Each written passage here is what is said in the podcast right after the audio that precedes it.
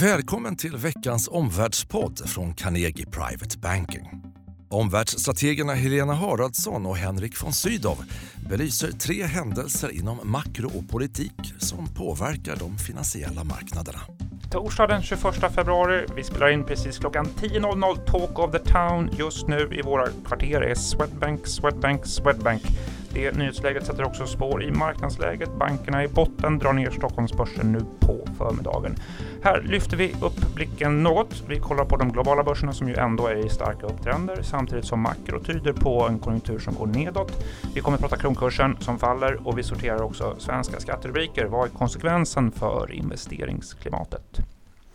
Helena, som jag sa, eh, över hälften av världens börser bedöms just nu vara i upptrend samtidigt som global global makro saktar in. Hur ska privata investerare tänka och agera i detta? Ja, det är helt rätt Henrik. Overkligt, det är nästan den känslan man får när man ser hur stark börsutvecklingen är. Eh, och I vår färska strategi, strategirapport med rubriken Var det allt? så manar vi faktiskt till försiktighet. Och du var inne på det själv. Tittar vi sen i julas, då är amerikanska börsen upp över 20% Sverige är upp hälften, över 10 Tar vi bara hittills i år så har man också fått nästan två årsavkastningar på bara en och en halv månad, både i världsindex i kronor och på svenska börsen. Det är enormt bra, men samtidigt då så ser vi hur konjunktursignalerna försvagas. Faktiskt även i USA. Mm. Eh, ändå som sagt eh, tydlig börsstyrka. Eh, något nytt som har hänt den senaste tiden. Vad är händelserna som nu driver börserna? Jo, det är tydligt att man reagerar på handelskommentarer. Och nu sker samtalen på väldigt hög nivå. Det var i Peking, pågår i Washington nu. Och nu finns det på morgonen då källor som uppger att man närmar sig en handfull dokument som drar upp riktlinjer inom en rad områden då. Mm. Och då kanske det inte är så lång förlängning bortom första mars. Vi får mm. se, man har ju gått upp på det här på börsen redan. Mm. Men det vi har sagt i tidigare poddar och som kanske är den viktigaste drivkraften det är ju Feds mjukare ton. Det är huvudorsaken bakom rallyt. Och den sagan fortsätter ja, intressant kom nog. Färskt protokoll här. Ja, och ett tal faktiskt förra veckan som börsen reagerade på där man sa att okej, okay, minskningen i balansräkningen den tar nog slut i år och det bekräftades precis som du sa Henrik i protokollet igår kväll. Mm. Och det är positivt att åtstramningen tar slut snabbare än förväntat. Men också ECB har flaggat för att man diskuterar billiga lån till bankerna. Japans centralbank har också sagt att det kan bli en lättare penningpolitik, eller ännu lättare, om yenen då stärks och dämpar inflationen. Det jag tycker är lite intressant, det är att paradoxen är att alla de här mjukare tongångarna från centralbankerna, de härrör ju från ökade konjunkturrisker på nedsidan. Mm. Och det är ju faktiskt illa för vinsterna. Och jag tror inte Fed är nära att sänka räntan och det tycker jag också protokollet bekräftar. Och kanske det behövs för att lyfta det här vidare. Mm. Vad man faktiskt gör från centralbanker det är att man har passerat toppen i likviditetsstöd. Man mm. stramar fortfarande åt balansräkningarna. Och börsen har redan stigit ganska mycket på handelsoptimism. Just det, lite grann på det temat. Eh, konjunkturen, ja, eh, hur är läget? Alltså, vad, vad, får du för nya signaler, nya observationspunkter ja. där som De som duggar ju faktiskt på. tätt. Ja. Nyss då, för bara en halvtimme, en timme sedan så fick vi nya barometrar faktiskt från två av de stora länderna i Europa, Tyskland och Frankrike. Mm. Och där ser man att tjänstesektorn mår okej. Okay. Det är inte så konstigt. Få arbetslösa, högre löneökningar, bra konsumtion. Men tittar vi på tysk industri som är väldigt exportberoende så var det en stor besvikelse. Mm. Ännu mer i kontraktionsområdet. Och vi har sett det i hela Europa. Produktionen är svag, faller 4% på årsbasis. Mm. Tyskland flörtar med recession. Eh, det är en stor ekonomi. Och i mm. USA, där är jag bekymrad över att investeringarna inte tar fart nu när vi ändå haft en period med skattestimulanser och nu mattas ju vinsterna. När ska då investeringarna ta fart? Mm. Och småbolagen såg vi också, deras optimism försämras. Och de har ju en stor del av sin marknad på hemmaplan. Just det. Eh, både Tyskland och USA frågetecken. Det låter ju ja. naturligtvis illa för Sverige som har våra exportmarknader riktade mot detta.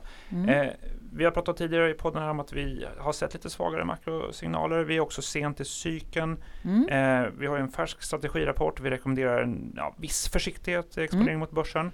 Eh, samtidigt som det finns förstås naturligtvis flera investeringsidéer och affärsförslag. Ja, absolut eh, finns det det. Ta något. ja, vi nämner ju flera i vår rapport då, och för de kunder som har appen så går det ut där också i våra veckovisa kundbrev.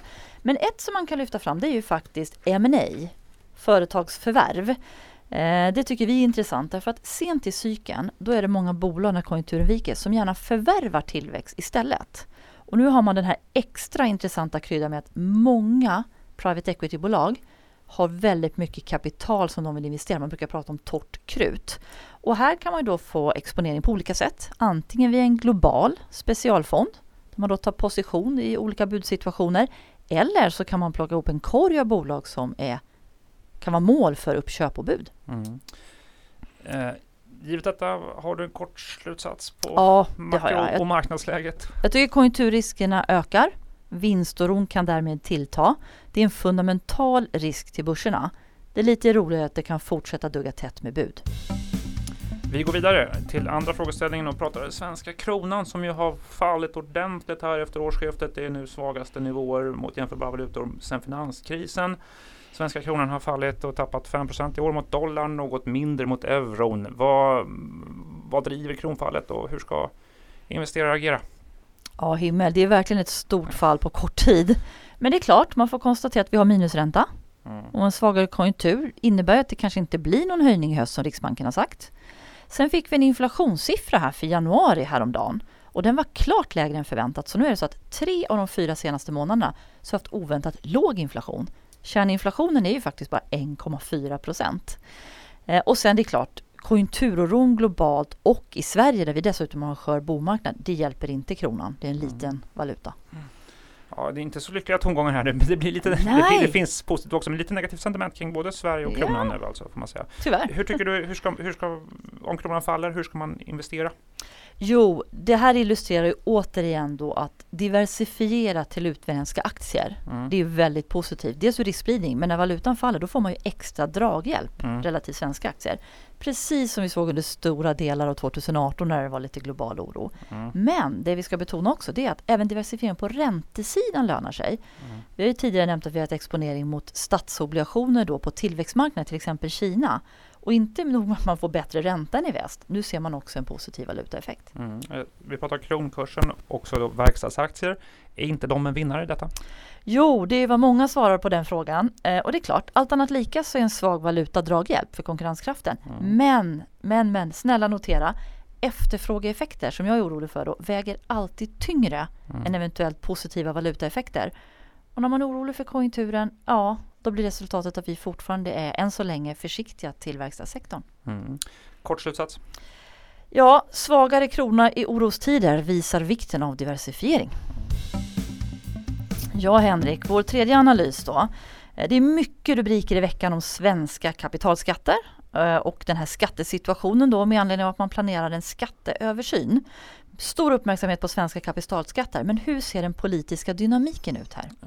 Positionering pågår inför det som kallas för en stor skattereform eller omfattande skattereform. Det är både partier som nu positionerar sig men också fackförbund, intresseorganisationer, ledande akademiker, agendasättare eh, agerar nu ja, m- m- mot att sätta agendan inför den här eh, översynen. Det är en dragkamp om direktiven här egentligen, uppdraget till, till översynen.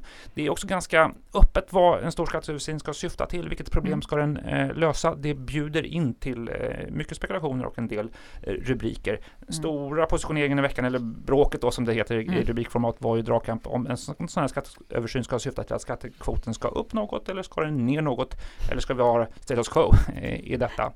Det, Ehm, det låter spännande det här, men vilken betydelse har det för miljön för investerare, investeringsmiljön? Ja, alltså förväntningar om skattenivån, det spelar roll för eh, investeringar. Helst ska ju förväntningarna ligga på att skattesituationen blir ja, lite bättre, att riktningen är gynnsam för investeringar. Riktningen spelar ju faktiskt roll för den som ska göra investeringar i Sverige över en ganska lång tid och sådär. Så att jag tycker att de här skatterubrikerna har betydelse för investeringsmiljön, både för svenska investerare och för utländska investerare som jag läser om det här kanske då i utländska affärspress eller utländska bankers eh, nyhetsbrev. Jag tror att vi riskerar här gå mot en period eh, av osäkerhet om den svenska skattesituationen. Där det kan också på marginalen då eh, påverka den svenska kronan. Mm. Det såg vi faktiskt under 18 också när det var de här diskussionerna att kronan Ja. påverkades. Ja.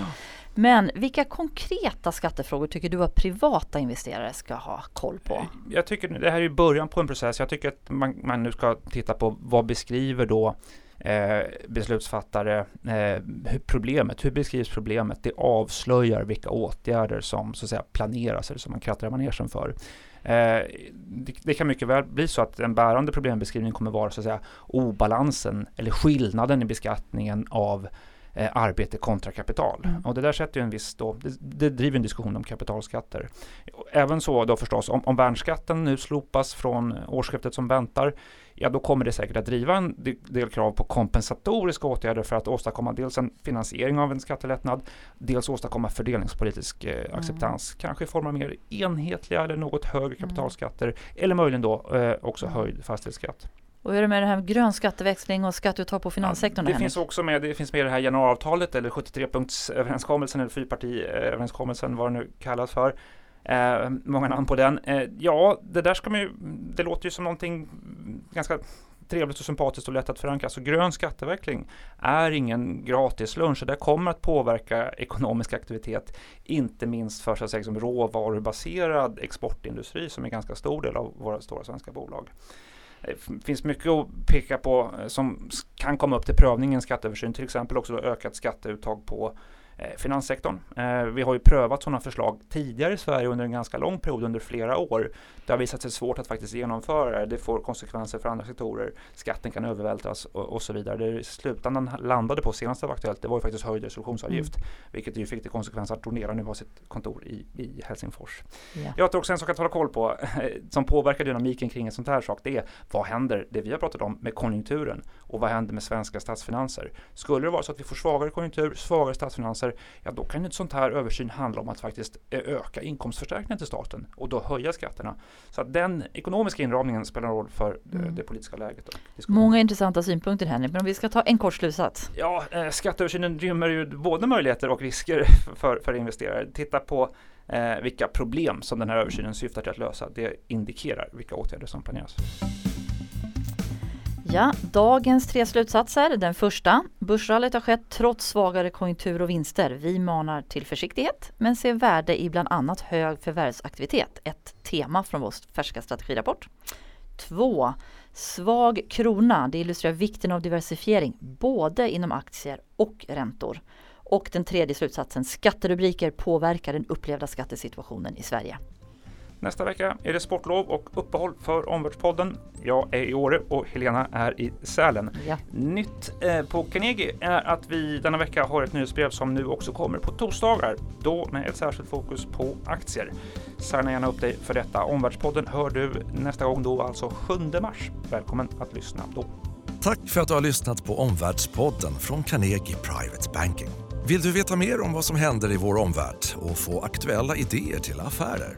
Gå då in på www.carnegie.se veckans viktigaste och prenumerera på vårt nyhetsbrev.